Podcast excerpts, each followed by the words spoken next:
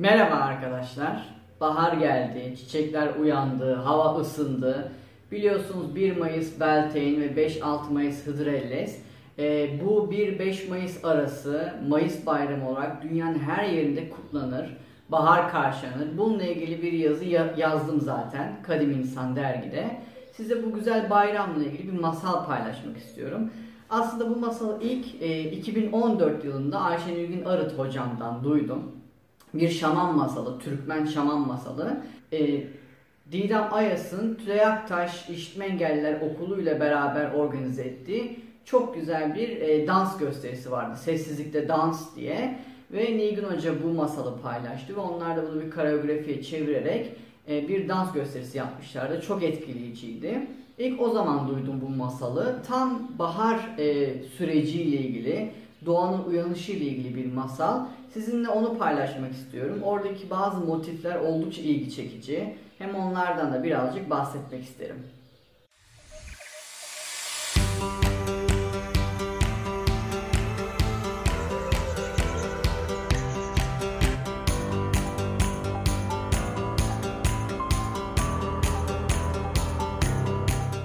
Masalımız efsaneler çağında başlıyor. Her masal gibi perilerin, devlerin, cinlerin hiç unutulmadığı, var olduğu, görüldüğü çağlarda koskoca evreni döndürenin kadim ejderhalar olduğuna inanıldığı çağlarda geçiyor masalımız. O zamanlarda çok mutlu bir çift yedi oğluyla beraber yaşıyormuş. Ve bu yedi oğlan her gün ava gidiyorlarmış. Güzel avlar getiriyorlarmış. Mutlu mesut yaşıyorlarmış. Günlerden bir gün annelerin hamile kaldığını öğrenmişler. Çok sevinmişler. Ama aralarında şunu konuşmuş şu yedi genç delikanlı. Demişler ki eğer bir oğlan daha olursa bu eve sekiz oğlan fazladır. Ama bir kız verirse Tanrı bize onu bütün yüreğimize sarıp sarmalarız.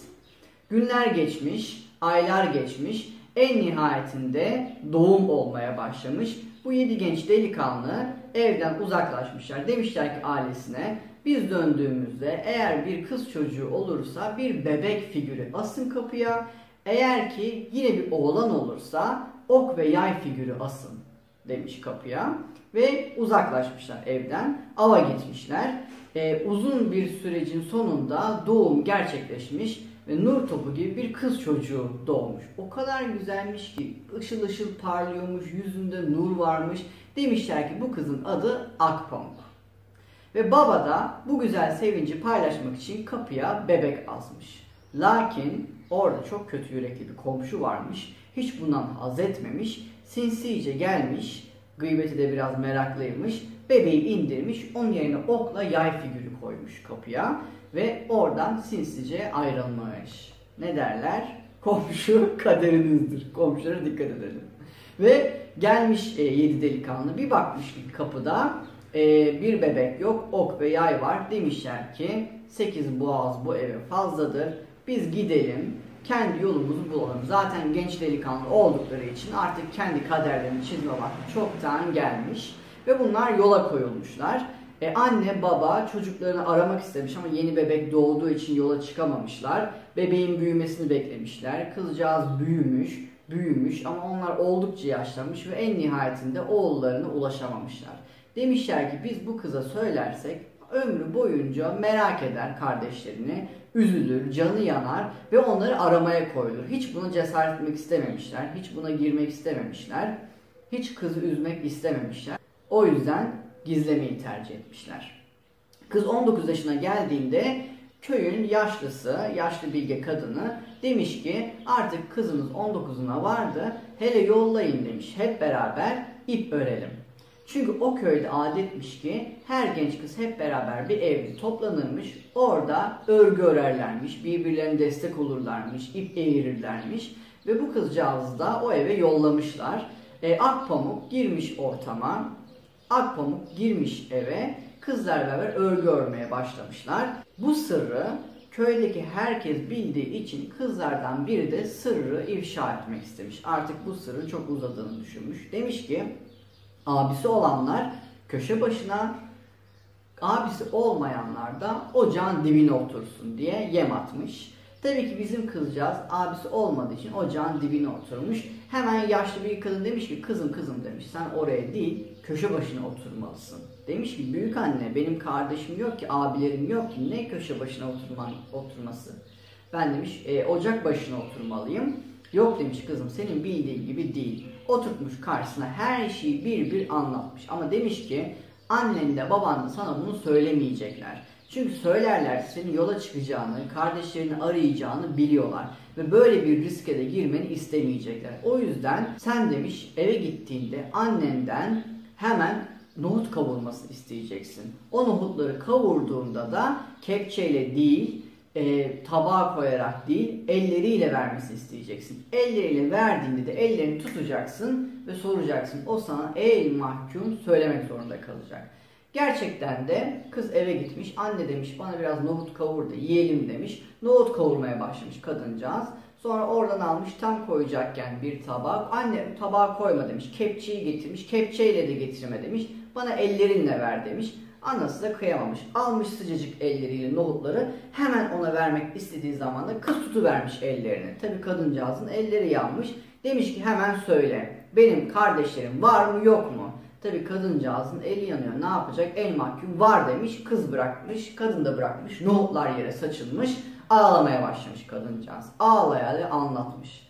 Onun yedi tane kardeşi olduğunu, bunların ejderha gibi güçlü, kuvvetli olduğunu, ava gittiğini ama erkek oğlan doğduğunu zannedip evden ayrıldığını söylemiş. Demiş ki Akpamuk'ta o zaman anne bana izin verin ben çıkayım yola ve kardeşlerimi bulayım. Demiş kadıncağız yüreğim el vermiyor. Hemen bir çörek karmış efsunlarla, dualarla, kutsal bitkilerle yuvarlak bir çörek yapmış. Al bu çöreği demiş. Bu çöreği fırlat demiş. Bu çörek nereye giderse kardeşlerin oradadır. Tamam demiş Akpamuk. Annesinden helal almış, babasından helallik almış. Çöreğini koymuş. Bir de orada mırmır bir kedisi varmış. Kedisini de yanına almış. Yola koyulmuş. İlerlemeye başlamışlar kediyle beraber. Çöreği atmış. Çörek ilerledikçe takip ederek ilerlemişler. En nihayetinde bir ağacın dibinde dinlenmek istediklerinde kedicağız çok acıkınca çöreğin ucunu yiyivermiş. E, çörek yamuk kalınca ilerleyememiş, attığında yolu gösterememiş. Hemen oradan kili almış, kille çöreği tamamlamış. Hemen onu güneşte ısıtmış, pişirmiş. Tekrardan çörek yapmış, atmış çöreği, takip etmişler, etmişler, etmişler. En nihayetinde bir dağın yamacına gelmişler. Dağın içine oyulmuş bir evde yedi kardeşinin çıktığını fark etmiş. Hemen saklanmış oraya. Onların günlük rutinlerini izlemiş. Fark etmiş ki kardeşleri her gün evden çıkıyor, ava gidiyorlar, sonra geri geliyorlar. Bunlar ava gittiği sırada Akpamuk gizlice girivermiş eve. Bakmış bunların kanlı orada giysileri var. Bir de e, kıyıda köşede ablanmış et parçaları var. Hemen e, giysileri yıkayıp güzelce kurutmuş. Etleri de güzel yemek yapıp oraya koymuş. Hemen bir yere saklanıp uyumuş. Bu yedi kardeş eve geldiğinde bir bakmış ki her şey güzel. Ev temizlenmiş, yemek pişirilmiş, giysileri yıkanmış. Demişler ki burada bir iş var. Biz bunun kim olduğunu yakalayalım. Ve her gün bir kardeş beklemiş, nöbet tutmuş. Ama her biri uyuyakalmış. Uyuyakaldığında Akpamuk yine çıkıyormuş. Onların giysilerini temizliyormuş, yemek yapıyormuş, evi temizliyormuş. Ve sonra tekrardan gizleniyormuş. En küçük oğlanın sıra geldiğinde en küçük oğlan demiş ki ben bu işi çözerim. Hemen elinde azıcık bir yara açmış. Biraz tuz almış. Tuzu oraya basmış. Ne zaman uykusu gelecek? Tuzu basmış, uyanmış. Ne zaman uykusu gelecek? Tuzu basmış, uyanmış. Ne zaman uykusu gelecek? Tuzu basmış, uyanmış. Derken ak pamuğun oradan çıktığını görünce hemen yakalamış. Sen demiş in misin, cin misin, peri misin? Sen nesin söyle. Dur demiş dur kardeşim ben, ben sizin öz kız kardeşinizim. Ve her şeyi anlatmış. Ağlayarak sarılmışlar. En nihayetinde diğer kardeşler de gelmişler. Olay açığa çıkmış. Kabul etmişler. Demişler ki biz senin kız olduğunu bilmiyorduk. Oğlan çocuğu sandık. O yüzden terk ettik. Gel demiş bizimle yaşa. Ve bunlar mutlu mesut yaşamaya başlamışlar. Ve günlerden bir gün bunlar mutlu mesut yaşarken kızcağız bir avuç kadar minik kuru üzüm bulmuş. Demiş ki kedime bu kuru üzümleri vereyim. Kedisini çağırmış pis pis pis pis diye. Kedi gelmemiş. Demiş ki kedim gelmiyor ben üzümleri yiyeyim. Üzümleri yemiş bir güzel. Gertesi gün kedi gelmiş. Hayırdır beni çağırıp durdun. Ben demiş e, sana üzüm verecektim ama üzümleri ben yedim. Nasıl sen yedin ya demiş. Bunları bana ayırmamış birin. Eğer ben demiş o zaman senin ateşin üzerine işeyeceğim. Ateşini söndüreceğim. Aman aman demiş kız. Ne olur bunu yapma. Bir dahaki bir şey bulduğumda söz sana ayıracağım. Tamam demiş kedi. Kedi biraz atarlı galiba. Ve ikinci gün olduğunda da nohut bulmuş. O nohutları bir güzel kavurmuş. Demiş ki ben bunu canım kedime vereyim. Çünkü o bana yoldaşlık etti, yarenlik etti. Kediyi çağırmış. Kedi gelmemiş. Demiş ki o gelmiyorsa ben bunu yiyeyim. Yemiş onları. Ertesi gün olduğunda kedi gelmiş. Senin beni çağırdığını duydum. Hayırdır ne oldu demiş. Sana demiş biraz nohut kavurmuştum ama ben dayanamadım yedim. Madem demiş sen benim e, nohutlarımı yedin ben de senin ateşini söndüreceğim. Hop ateşin üzerine işi vermiş ateş sönmüş. Ve hemen kaçıvermiş kedi. Akpamuk yakmaya çalışmış, yakamamış, yakmaya çalışmış, yakamamış, onu denemiş, bunu denemiş, olmamış.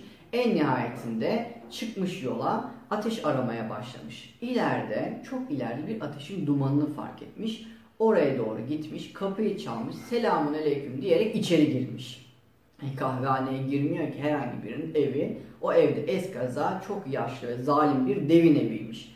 Dev bunu görünce ürkmüş. Demiş ki nasıl giriyorsun sen öyle? Neyse ki selam verdin, selamını aldım, seni yemeyeceğim. Ateş mi istiyorsun demiş. Çünkü bana ancak ateş isteyenler gelir. Evet demiş ateş istiyorum.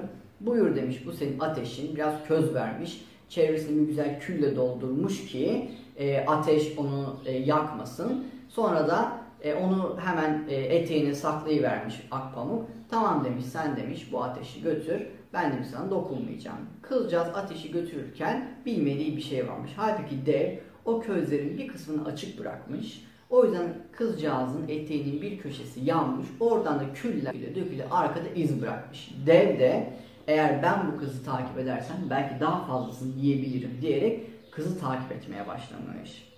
Bir bakmış ki kızın evi kutsal dağın içinde hemen oraya gizlenmiş. Gün diye kapıyı açmış, kızı boğazından yakalamış. Demiş ki beni her gün kanınla besleyeceksin. Eğer demiş kardeşlerini söylersen ben demiş seni öldürürüm. Tamam demiş kızcağız korkmuş ve söyleyememiş. Her gün olduğunda kapıya minik bir delik açmış. Kapıdan deliğine parmağını çıkarıyormuş. Dev geliyormuş. Aynı bir vampir gibi onun kanını biraz emiyormuş. Sonra gidiyormuş. Günler geceler kovalamış. Bu böyle devam etmiş ama artık kızcağız o kadar korkuyormuş ki o kadar ürküyormuş ki, o kadar kansız kalmış ki sağırıp solmaya başlayınca kardeşler bunu tutmuş, zorlamış. Demişler ki ne oluyor kardeşim sana? Demiş ki Akpamuk böyle böyle bir durum oldu. Ben de her gün devi kanımla besliyorum. Demiş niye bize bunu söylemedin? Biz demiş genç delikanlılarız. Biz bu devi öldürürüz. Ve saklanmış. Ertesi gün olduğunda kız parmağını çıkarmış kapı deliğinden. Tam dev onun parmağından kanını emecekken kardeşler açmış kapıyı çekmişler kılıçlarını tak devin kafasını kesmişler. Dev oracıkta ölmüş. Ama bu dev çok yaşlı, çok bilge, sihri de iyi bilen bir devmiş. Kafa yuvarlanmış, yuvarlanmış, yuvarlanmış. Uygun bir toprak bulduğunda oraya yerleşmiş. Bir anda bütün o kafadan çıkan kanlardan 7 tane daha dev olmuş ve bütün devlerle beraber saldırmışlar. Ne zaman bu kardeşler devleri öldürse daha fazla dev çıkmış. Ne zaman öldürse daha fazla dev çıkmış. En nihayetinde o kadar çok dev olmuş ki bu devler hep beraber saldırmışlar. Bu yedi kardeşin bütün etini yemişler, kemiklerini bırakmışlar ve o sırada Akpamuk o kadar korkmuş ki bir ceylan derisi içine girerek saklanmış. Ve bizim devler kızcağızı görememişler ve orayı terk etmişler. Akpamuk çok üzülmüş. Kardeşlerin kemiklerini bir yere toplamış. Demiş ki ben bunları dirilteceğim. Mutlaka bunun çözümünü bilen biri vardır. Almış çıkınını, düşmüş yola, diğer diğer dolaşmış, köy köy dolaşmış. Bütün bilim insanlarını sormuş, alimleri sormuş, ilim insanlarını sormuş. En sonunda yaşlı bir koca karının evine uğradığında kızım demiş ben senin derdin dermanını biliyorum. Burada demiş ileride dağın arkasında çok kutsal bir deve vardır. Akmaya denen bir deve ve bu deve demiş insanlardan nefret eder. Ama demiş bu devenin sütünü alırsan o sütü serpersen eğer e, kemiklere bu kemikler dirilecektir. Kız demiş ki peki ben nasıl yapacağım bunu? E, insanlardan hoşlanmıyorsa hiç merak etme. Onun bir tane de yavrucağı vardır. O yavru insanlardan hoşlanır. Tatlı dilinle, güler yüzünle o deveyle, o devenin yavrusuyla arkadaş ol, o sana yardım eder. Çıkmış dağlara, dağın arkasına geçmiş yemyeşil bir ova, bir gülün dibinde o yavru deveyi görmüş. Hemen yanına gitmiş, Ve o da onu selamlamış. Bunlar birbirine sarılmışlar, konuşmaya başlamışlar. Zaten görür görmez kanları ısınmış. Demiş ki böyle böyle bir durum var. Annen süt verir mi? Demiş ki yavru devede annem hiç sevmez insanları. Eğer sana yardım ettiğimi anlarsa ikimiz de canımızdan oluruz. Ben demiş seni gizleyeceğim. Çünkü kabarık tüyleri varmış. Ben demiş o kabarık tüylerimin içine sütü saklayacağım ve sonra sana vereceğim. Sen demiş hiç ses çıkarma, e, hiç kendini belli etme. Ben demiş senin için bunu yapacağım. Ve oradan deve yola çıkmış. Annesinin yanına gitmiş. Annesi çok asil bir deveymiş. Bembeyaz parlıyormuş. Gözleri yıldızlar gibi ışıldıyormuş. Oradan süt içerken annesi Akma'ya şüphelenmiş. Demiş ki burada bir insan kokusu alıyorum. Yok anneciğim demiş bir insan hiç görmedim ben. Ve o sütü içmiş, içmiş, içmiş ama hiçbirini yutmamış. Hepsini gizlice tüylerin arasındaki bir bohçaya saklamış. Sonra hızlıca annesinin yanından uzaklaşmış ama annesi bu kadar çok süt içmesinden şüphelenerek takip etmiş deveyi. Bizim bu yavru deve kızcağızın yanına gittiğinde hemen o bir tulum dolusu sütü vermiş kıza. Kız teşekkür etmiş, atına atlamış. O sırada Akma'ya bunları görmüş ve bağırarak, lanetler saçarak gelmiş. Demiş ki senin gibi evladım olmasın, taş olsun demiş. O anda yavru deve taş olmuş ve bizim kız çok üzülmüş, çok pişman olmuş ama hemen hızlıca kaçmış ve oradan kurtulmuş. Akma'ya kızını kaybetmiş, yavrusunu kaybetmiş. Çok üzgünmüş. Bütün memeleri sütle doluymuş. En sonunda o hüzünle artık burada kalmam bir anlamı yok diyerek gökyüzüne doğru yükselmiş. Ve gökyüzünde hüzünle dolaşırken bütün sütleri evrene yayılmış ve o yüzden ona Akmaya'nın sütünün yolu demişler. Süt yolu demişler. Ve böylelikle e, sonsuza kadar o sütleri yıldızlara dönüşmüş. Yani ışıl ışıl gökyüzünde parlamış. Bizim Akpamuk da hızlıca gelmiş evine, kardeşinin kemiklerini birleştirmiş. Hemen o kutsal sütü çıkarmış, sütü serpmiş kemiklerin üzerine. Onları böyle siyah keçeyle sarmış, bir gece bekletmiş. Ertesi gün olduğunda güneş doğar doğmaz keçeler açılmış, abiler uyanmış, gözlerini avuşturmuşlar. Demişler ki çok uzun zamandır uyuyoruz herhalde kardeşim. Demiş ki uyumuyorsunuz. Bütün olanları anlatmış. Bu yedi genç delikanlı kardeşinin bağırlarına basmışlar. Ve kardeşler dirildikten sonra çok daha güçlü olduklarını fark etmişler. Akmaya'nın sütünün onları sihirle doldurduğunu, bilgelikle doldurduğunu, güçle doldurduğunu fark etmişler. Ve bu devleri öldürmek için almışlar kılıçlarını, oklarını, yaylarını yola çıkmışlar. En sonunda devlerin diyarına varmışlar. O devleri orada görmüşler. Çekmişler kılıçlarını, oklarını, yaylarını ve büyük bir savaşla beraber bütün devleri öldürmüşler. Bu kardeşler beraber savaştıklarında sanki yedi başlı bir ejderha gibi olarak bütün devleri yenmişler. Ve orada mutlu mesut yaşamaya niyet etmişler. Lakin evlenene kadar. Bu yedi genç delikanlı yedi güzel kız bulup evlenmişler. Yedi delikanlı, yedi eşi ve bizim Akpamuk hep beraber yaşarken mutlu mesut en sonunda gelinler huysuzlanmaya başlamışlar. Dedikodu yapmaya başlamışlar. Bizim kocalarımız kız kardeşleri daha çok seviyor. Onu daha çok tutuyor. Onun dediğini daha çok yapıyor. Biz bundan kurtulmalıyız. En küçük gelin demiş ki böyle bir şey yapama, yapamayız. Böyle bir şey doğru olmaz. Demişler ki eğer işimize karışırsan senin de canını yakarız. Ve en sonunda Akpamuk bir gün ormandan geldiğinde hızlıca Akpamuk'u yakalamışlar, bağlamışlar. Akpamuk bağırmaya çalıştığı sırada bir kurşunu eritmişler. Kızgın kurşunu ağzından içeri, kulaklarını içeri sokmuşlar. Ve o anda Akpamuk dilsiz ve sağır kalıvermiş. Ve kardeşler eve geldiğinde kardeşlerinin üzgün olduğunu görmüşler. Ne oldu diye sormuşlar, cevap verememiş. Ne olduğunu anlayamamışlar. Gelinler demiş ki, Pamuk belli ki evlenmek ister. E demiş evlensin, kimi istiyorsa bulsun ve evlensin. Ama demişler ona biz bir at verelim. Varsın yoluna gitsin, evlensin ve geri gelsin demiş gelinler. Bakın bu gelinlerden çok çok çekiyoruz. bu konuyu işlemiştim. Ve gelinler bu şekilde işbirliği yapmışlar. O küçük gelinin hiç içi el vermemiş ama yapacak bir şey yokmuş. En sonunda bizim bu e, kızcağızı ata bindirmişler. Kız hiç kendini anlatamamış. Nedendiğini de anlayamamış. Ve e, ata binmiş ve kendini atla çölde bulmuş, yolda bulmuş.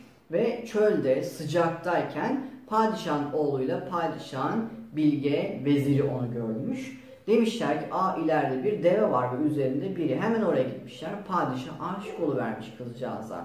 Demiş ki ben senden çok hoşlandım. Benim gelinim ol.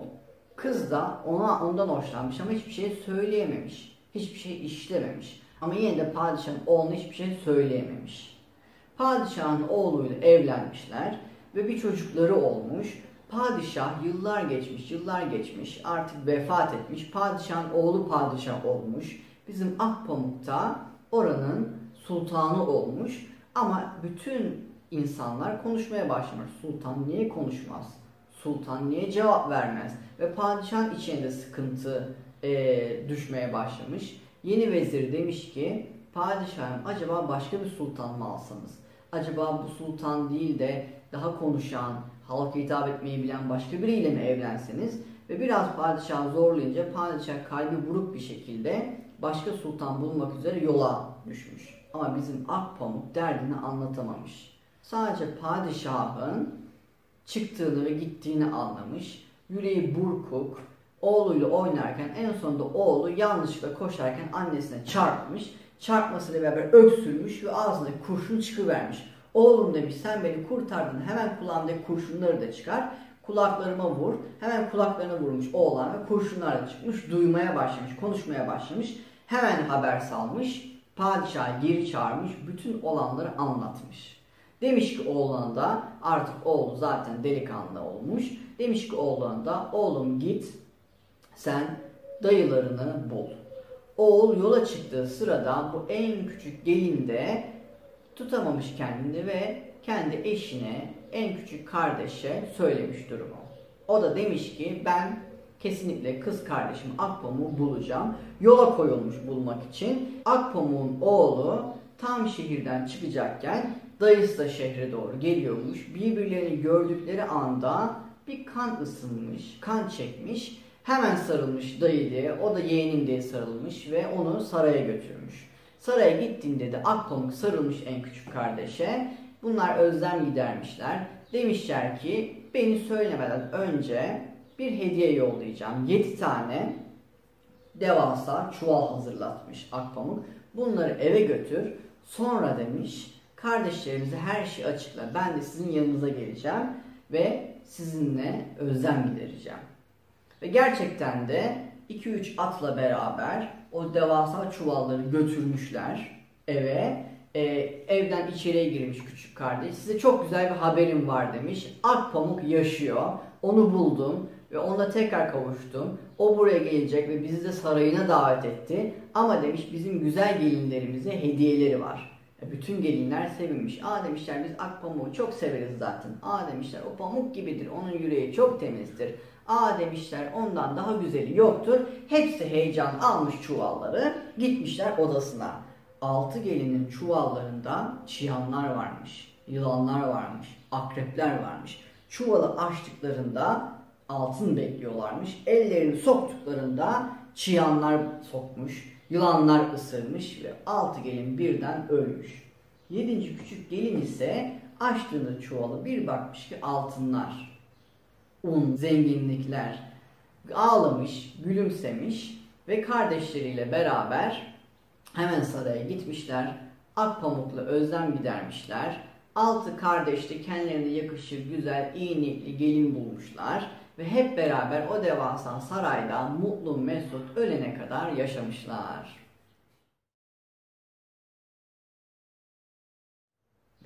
Gördüğümüz gibi gelin terörü, e, kom kötü komşu terörünü net bir şekilde masalda görüyoruz. Bu çok güzel bir masal. E, Nilgün Hoca'nın ifade ettiği gibi bir şaman masalı aslında. Çok ilginç figürler var burada. E, tam olarak işte o e, Akmaya denen deveyle karşılaştığı yerdeki o yeşillik baharın uyanışını temsil ediyor. Çünkü tam baharın uyandığı zaman da artık develer süt vermeye başlıyor. Niye deve figürü var? Çünkü deve figürü Türkmenlerde e, çok kutsal bir figür olarak sayılıyor. E, Akmaya figürü çok önemli orada deve. E, hatta Alpamış destanında e, bir e, anlatı var. E, o anlatıda kahramanın yani doğan bir bebeğin Hızır tarafından kutsandığı biliniyor. Ve Hızır tarafından kutsandıktan sonra bir deve sütüyle, ak bir devenin sütüyle besleniyor.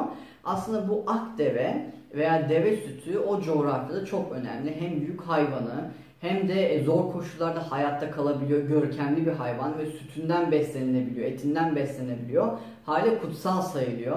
Bakın bu e, masalda geçen Akmaya'nın yavrusunun acısıyla gökyüzüne çıkıp sütlerini dökmesi ve oradan süt yolu oluşması, orada yıldızların parlaması aslında saman yolunun oluşumu ve neredeyse dünya mitlerinin çoğunda işte Milk Way denir ya İngilizce'de süt yolu olarak geçer. Hep böyle bir hayvanın sütünün akmasıdır. Tabii ki bu coğrafyaya göre değişir. Mesela Antik Yunan'a baktığınızda Io kaçıyor ve oradan sütleri dökülüyor. E, genelde bu bir inek gibi betimleniyor. Ve Antik Mısır'da yani Io bir inek ve Antik Mısır'da Hathor'un sütü diye geçer. Hathor da bir inek tanrıça olarak betimlenir. Aslında o bir tanrıçanın sütüdür. Ve onun e, belirgin olduğu süreç Mayıs ayıdır e, birçok coğrafyada ve Mayıs ayında doğa uyanırken hem o sütle insanlığı besler çünkü hayvandan artık sütü vardır. Aynı zamanda her yerde yeşillikler vardır ve Hızır dolanmaya başlar. Haliyle e, Alpamış destanında nasıl Hızır ve Akdeve'nin sütünü içmesi aslında bir nevi Mayıs'ı işaret ediyorsa doğanın uyanışına bu masalda güçlü bir şekilde yemyeşil çimenler, açmış güller ve Akmaya'nın sütüyle beraber aslında bir ölüm ve yeniden doğuş efsanesi, bir yeniden doğuş miti görüyoruz. Ve kardeşleri develer tarafından öldürülüyor ve kardeşinin ölmüş kemiklerini sütle diriltiyor. Çok ilginç bir şekilde Pamuk Prenses'e benziyor değil mi? Pamuk Prenses ve Yedi Cüce e, masalına çok benzer bu masal. E, ve bu masalda benim en sevdiğim şey buradaki e, ana karakter olan e, kadın kahramanın güçlü oluşu. Yani yola çıkması, devle olan mücadelesi, arayışta olması, e, şifanın peşine düşmesi. Aslında masallar genel olarak hep böyle erkek kahramanlar ön plandaymış gibi, erkek kahramanlar kurtarıyormuş gibi anlaşılır.